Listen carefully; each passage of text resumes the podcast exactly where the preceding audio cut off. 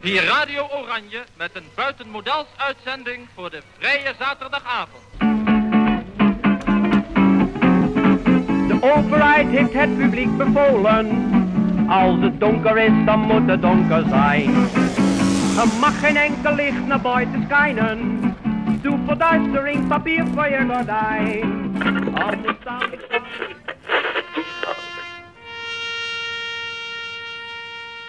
Bezet. Audiomonumenten van de stad Amsterdam. Corrie en Jacob wonen al 75 jaar samen in hetzelfde rijtjeshuis in Amsterdam Nieuw-West, net onder de Slotenplas. De 93-jarige Corrie van de Boogaard Vlug opent voor ons de deur. Goeiedag. Wat een weertje, Lekker hè? Zonnetje, kom weer terug. Zo is het. Nou, het wordt alles tijd hè. Komt er wel lekker binnen hoor. Ja? Wel. Daar ben je meteen heel dol op. Houten schootjes. Oh, houten schootjes. Oh, ja. Dit is het zo. eh Ach ja, dat was toen al, toen we het kochten hier. Ik denk, nou, laat maar lekker mooi zitten. Het is prachtig. Komt u maar verder. En het is inderdaad prachtig. In al die jaren is er nauwelijks iets in de woning veranderd. In de woonkamer treffen we haar man Jacob van den Boogaard aan, waar ze al 73 jaar mee samen is. Goedendag meneer. Ja, meneer. Hoe maakt u het? Oh, toch een beetje. Ja, jongen, je bent geen, geen twintig meer, dus. Ach ja, ja, goed dat je oud wordt. Ja. Ja, je, je wordt oud. Hij op zeven- in september 94 geworden, dus dat hopen we maar. Ik ben 92. Hè? 93 en 92. Maar met z'n tweeën nog erg kwiek. Alleen hoort Jacob niet altijd alles even goed meer en is wat kortademig. Dat zul je ook horen in de opnames.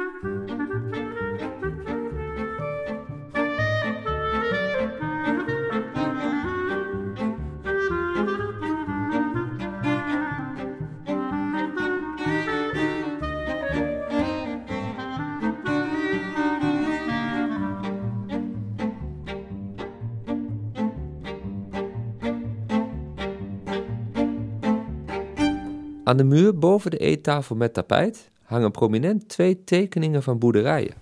De één boerderij die aan de wand hangt Nee, is van uw man? Ja, die is van, ja en, en, en die was dan van mij. Nou, dat was, dat- dit was het huis dan waar we woonden. En dat was een hooischuur. Dat is getekend in 50. Kijk, die meneer heeft dat getekend toen. Want wij moesten weg. Wij moesten al voor de oorlog eigenlijk weg, maar die oorlog kwam ertussen. Maar dan moesten ook huizen gebouwd worden, maar dat ging toen niet door. Dus na de oorlog, toen zijn wij, wij moesten in, eh, wanneer zijn wij weg vertrokken? In eh 51 zeker. Wij zijn in 51 getrouwd. Ik was er net Wij zijn. eh, Jij bent daar geboren en getogen. Ja. En ongeveer twee maanden voor ons trouwen. Zijn wij naar uh, Osdorp weggegaan. werd die boerderij gesloopt voor de huizenbouw. Voor de duidelijkheid, de boerderij van Corrie met de liefelijke naam Vredelust stond bij Sloterdijk. Toen nog een pittoresk dorpje in een oud-Hollands landschap. Voor de oorlog kabbelde het leven er rustig voort. Mijn vader had koeien gewoon. Dat was maar gewoon een boertje hoor. Woonde op de boerderij. Mijn vader en moeder met zeven kinderen. Ja. En zo ging het allemaal. Ja, ja wat deed je vroeger? Ja, gewoon, ja, we bleven gewoon thuis hoor. Want we gingen maar twee keer in de, We gingen twee keer met een grote vakantie. Hadden we dan vroeger zes weken. En dan ging mijn moeder. Wij gingen dan met, met, met, met mijn moeder en, en de zuster. En de schoonzuster gingen we altijd met de kleinste kindertjes. Daar gingen we altijd een dagje naar Zandvoort. Dus we gingen met de Haarlemse tram van Sloterdijk naar Zandvoort. En dat vonden we geweldig. Want je kwam nooit nergens. Je bleef op die boerderijen. En ja, kinderen en die mensen die hadden, ook zeker geen tijd met mijn vader en moeder om, om uit te gaan. Dus dat was ons. En, en een dagje eh, naar eh Artes gingen we dan. En dat vonden wij geweldig. Maar langzaam deed de oorlog zijn intrede. In het begin merkte Corrie er eigenlijk vrij weinig van. Nou ja, ik was maar een kind, maar ik, ik eh, ja. Ja, wat, hoe oud was ik? Hoe oud ik was? Nou, Het is in 99. 1940 is het, 10 mei 1940 is, is het hier de oorlog Ja, begonnen. ik was in 29 geboren. Tussen 30 en was ik zeker 11. Ja, dat een jaar of wel. Ja, zoiets. Ja, ja want, want de afgelopen was het zo'n beetje 16 jaar. Ja, in de, wij hebben eigenlijk geen honger geleden eh, natuurlijk. Je had een boerderij, Ja, ja. dus eh, dat was Dat niet... is hem juist. dat wij hadden niet, nee. En als je al die verhalen hoort, en nou, dan hebben wij het eigenlijk nog hier in Amsterdam. Ja, Amsterdam zelf heeft vreselijke honger geleden. Maar wij boeren, ach nee. Tuurlijk niet. nee, ja, het is zelf je, vlees of je eieren en je melk en alles. Dus ja, dat, eh, en dat moesten we, ja, je ging wel eens stiekem slachten. Ja, dat mocht je wel niet, maar ja, goed. En je ging wel eens boter karren, maar ja, bo- boter maken ook, ja. Dus ja, dan kwamen ze aan de deur en ja, mag ik een, een beetje melk, ja. Nou, wij hadden melk klaar, meer niet. Nou, en kwamen ze en, en ja, en dan had je zoveel, want wij waren de eerste boerderij van Sloterdijk af. Ja. Mo- mo- mocht het wel? Je mocht wel eten? Nee, geven? je mocht ook geen melk verkopen. Dat ging ook allemaal. Dat, dat, dat is ook allemaal stiekem allemaal gedaan, natuurlijk. Nou, bij ons thuis praten ze eigenlijk heel weinig over de oorlog. Ik was er nergens nieuwsgierig naar en er werd niks thuis verteld. Als je wat vroeg, dan, dan wisten ze het niet. Ja, of ook vanwege de oorlog, als ze misschien wat verteld hadden tegen ons, als ze dan onze vragen misschien hadden, het misschien verklapt of hoe of wat. Misschien was dat de reden geweest, maar dat weet ik niet. Maar er werd nooit over de oorlog gepraat bij ons. Voor Jacob was dit wel even anders. Bij hem begon de oorlog letterlijk met een knal. Kijk eens, ik heb natuurlijk, want dat de Schiphol bombarderen, ja, dat is vlakbij ons. Ik, dat weet ik heel goed. Op 10 mei, we werden s morgens wakker door het bombardement. En toen kwam eh, mijn vader of mijn moeder, die kwam in de slaapkamer. En die vertelde, jongens, de, Duitsers zijn Schiphol en bombarderen. Dus toen wisten wij dat er oorlog was. En eh, ja, dat hebben we gezien. En hier lag Schiphol. Wij kijken zo uit, uit, kijk, uit, uit dit, uit het, eh, we noemden het het klompenhokje, noemden wij dat vroeger. Dat was de ingang naar ons huis. Dan keken wij zo, zo op Schiphol. Ja, hier ben ik nooit geweest, want dat was Nee, Ja. voor dat was in tijd. 43. Dat was van onze tijd. We zijn in 51 getrouwd. En voor de, in 49 of 48 kreeg ik verkering met hem. Dus verder kon ik hem niet. Hoe, hoe hadden jullie elkaar ontmoet? Hè? Op de bruiloft van zijn vader en moeder. Ja, nou ja, kijk eens. Maar die hele familie, die kende elkaar. Want dat, ik weet nog heel, dat weet ik dan nog wel goed. Hun werden gebombardeerd. En toen was, mijn, was ik met mijn moeder thuis. eh, thuis, want ja, ik hoefde zeker niet naar school, weet ik het. En toen, en toen hadden de wassen ophangen. Maar elke boer, die kon iedereen. Dat was hele, één familie was Ja, het allemaal. Eén, één familie. En toen was het, was mijn moeder, en we waren het putten. Toen zegt ze tegen me, en zijn vader en moeder heten Nelis en Ali, want die konden ze dan ook goed. En die, die, die mensen, Ja, die was ook kon, kon, kon alle elkaar allemaal. Ja. Toen zegt ze, goh, als ze, als ze me die weer niet, weer niet te pakken krijgen. Dat, dat, dat, dat, dat hoorde ik mijn moeder nou nog zeggen, wijs te spreken. Maar ook bij Corrie thuis kwam de oorlog letterlijk door de voordeur naar binnen. Alhoewel voor haar de dingen gewoon gebeurden. Zoals het onderduikertje die een paar dagen bleef. Of de Duitse soldaten die ineens ingekwartierd waren in de voorkamer van de boerderij. Bij één onderduikertje, maar die is heel kort geweest. Al een paar dagen maar. Toen was hij weer naar huis gegaan. U had een onderduiker. Ja, eentje maar, maar er was een, eh, die woonde vlakbij en die kwam altijd al gewoon. Maar ja, hij moest zeker een paar dagen moest hij zeker weg vanwege eh, dat hij op het spoor, want die woonde aan het spoor. Nou, maar verder hebben wij geen onderduikers gehad. Ja, nou, zo is het. En moesten we onze radio moesten we inleveren. Ja, Ja, de radio moest ook inleveren. Mijn oudste, mijn oudste oom, die was de oudste van dat hele koppeltje, de broer van mijn vader. Die hebben een begrafenis van gemaakt. Die woonden op Halleweg. Ze zegt, hadden ze hem allemaal uitgenodigd, zijn broers en zusters. Hij zei, we gaan er een begrafenis van maken. Heeft hij met zijn radiootje... hebben ze daar gelopen door Zwanenburg heen. Nou ja, wij ik geloof, wij hadden in de kelder in, in, onder de grond gezet. Ja, ja, nou ja, je wou je radio niet kwijt, dus ja, ja Nee. zou je je radio brengen, ja. En we luisterden ook, eh, tenminste wij, wij, wel, altijd naar de Engelse zender. Voor zover het mogelijk was. En de Radio Oranje. Ja, en dat mocht natuurlijk niet, als je Nee. dat hoorde. Als je de, de Duitsers bijvoorbeeld aan je huis stond te luisteren en ze hoorden niet. Nou, dan kwamen ze wel eventjes binnen. En dan, eh, ja, zo ging het allemaal. En Eh, Ja, ik, de, eerste jaren, ik zou niet weten wat ik, nee, wat ik eigenlijk deed, nee. Nee.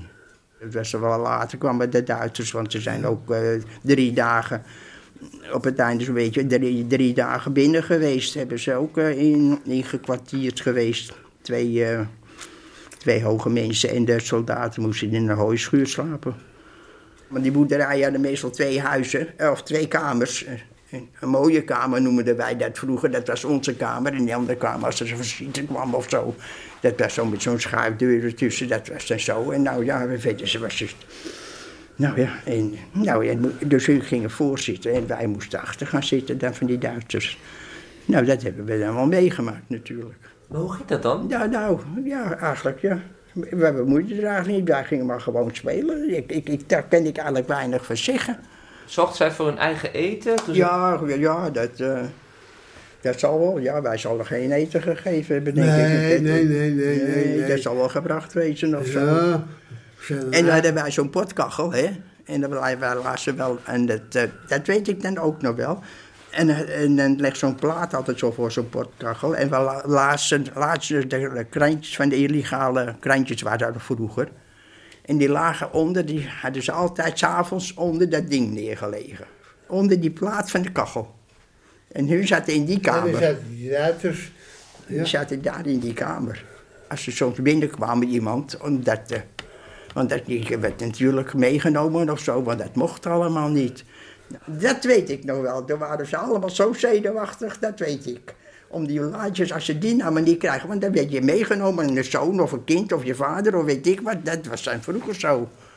En fietsen hebben ze, oh ja, ze hebben ook twee fietsen van ons meegenomen. Oh ja? Wij hadden twee fietsen in de gang, ja, ze zijn met onze fietsen er vandoor gegaan. Oh, heb ik dat nooit verteld? Nou, die waren toen weg. Nou, dus dat was het. Die hadden ze er meegenomen. En dat was gewoon accepteren? Was gewoon Nou accepteren? ja, je hebt, je hebt maar niks, te- je hebt niks te zeggen, want ja, je dorst niks te zeggen. En toen hadden ze ook wat kippen gepikt van ons. Dat hadden ze ook hadden de soldaten gedaan. En dat heeft mijn vader wel gezegd tegen de baas die er ook was. Nou, die hebben nou wel een goed eh, standje gehad. Dat weet ik, dat, dat zat me wel zo'n beetje bij. Die hebben wel eventjes, eh eventjes die wel eens even goed op een huidje gegeven. Corrie is intussen 15 jaar. En toen kwam 15 december 1944. De dag dat de drie verzetsmensen voor haar deur werden doodgeschoten door de Duitsers. De oorlog was definitief gearriveerd bij boerderij Vredelust. Want ja, dan werd je ongesteld en dan was ik altijd zo beroerd. Maar toen ben ik naar beneden gegaan. En je ziet hier nog staan in het hoekje. Kijk, ik sta hier in het hoekje. Hier achter die paal. En hier sliep ik dan. Hier is onze slaapkamer en dat was de keuken bij ons en dat was hier de voordeur bij ons. En dat was die schuur. En toen zegt mijn vader tegen ons tweeën, mijn zuster en ik... "Eh, Jullie gaan naar achteren. Jullie hoeven dat allemaal niet te zien. Eh, Jullie gaan maar naar achteren horen, want eh, dat is... nou ja, we waren natuurlijk nieuwsgierig. Wij gingen naar boven en we keken het, hier uit de slaapkamer, was onze slaapkamer dan. Dus je kon kijken natuurlijk. Zegt, mijn zuster zegt, kom op hoor, we gaan naar boven en dan gaan wij eh, stiekem kijken hoor. En er liep een sloot, ja, sloot was dan en de treinbaan en de weg was er gewoon. Dus ze stonden daar en ze werden eventjes zo van poef, poef, poef. En daar lagen ze en ze bleven er liggen. Er was een treinongeluk gebeurd, de tweede keer al. Oh ja. De, trein was ontspoord, dat hadden ze- dat hadden wij mensen dan gedaan. Maar goed, maar die mensen uit, die gevangenis, die hadden er niks mee te maken. Maar ja, die werden eruit gehaald in de baan. Hij was de directeur van de grasdrogerij. van Bad Hoeverdorp waren ze. En dat was vader en zoon en een oom, geloof ik, als ik het goed begrijp. De drie verzetslieden waar Corrie over spreekt waren vader en zoon Matthijs en Henk Verkuil en de politieregisseur Pieter Elias, die dus als vergeldingsactie werden doodgeschoten. Juist, die, Ja, drie, die ja. drie. Die zijn daar op de Halemerweg. En daar hebben ze daar drie dagen gelegen. En toen hebben die soldaten hebben de mensen aangehouden die op de fietsen waren gewoon. En die moesten afstappen en die moesten Ja, naar ja. die mensen kijken. moest kijken, joh. En toen, nou, toen konden ze weer voorgaan. Want ze hebben daar drie dagen gelegen. Begreep u meteen wat daar gaande was? Ja, ja, dat had mijn vader gezegd. Die zegt, eh, er worden drie, drie mannen, want die had het al gehoord. Die, en van wie die zo gehoord heeft, weet ik ook niet. Het, het, het alles, daarom zeg ik, bij ons thuis werd er nooit wat over de oorlog gepraat. Er werd helemaal niet gepraat. Als je nou iets wist en ze hielden je misschien wat aan, aan of zo om te vragen hoe wat.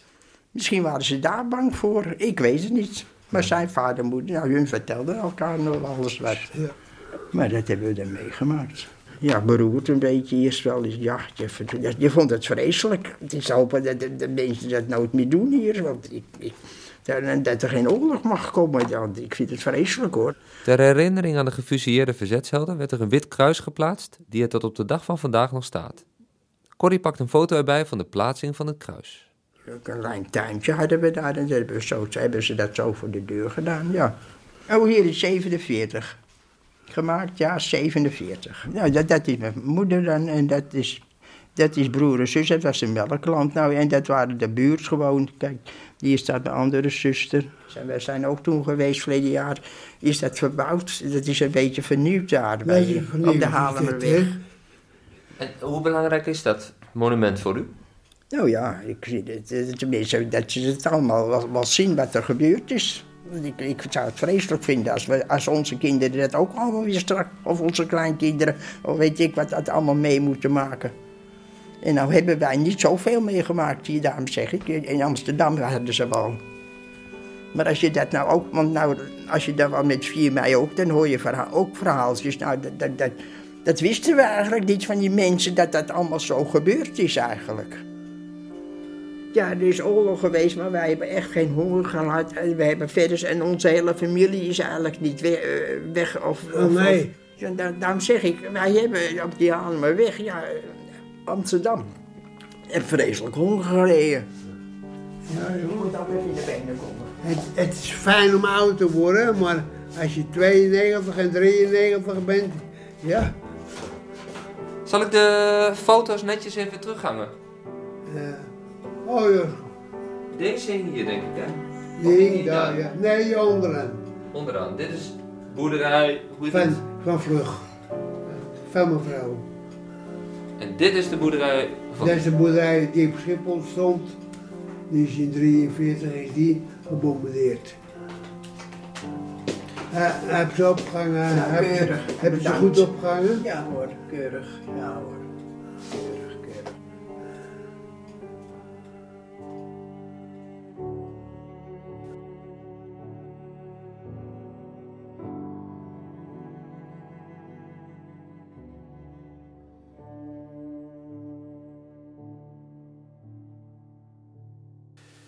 Je luisterde naar Vergelding in West, een podcast gemaakt door Jesper Buursink in opdracht van het Amsterdams 4 en 5 mei-comité.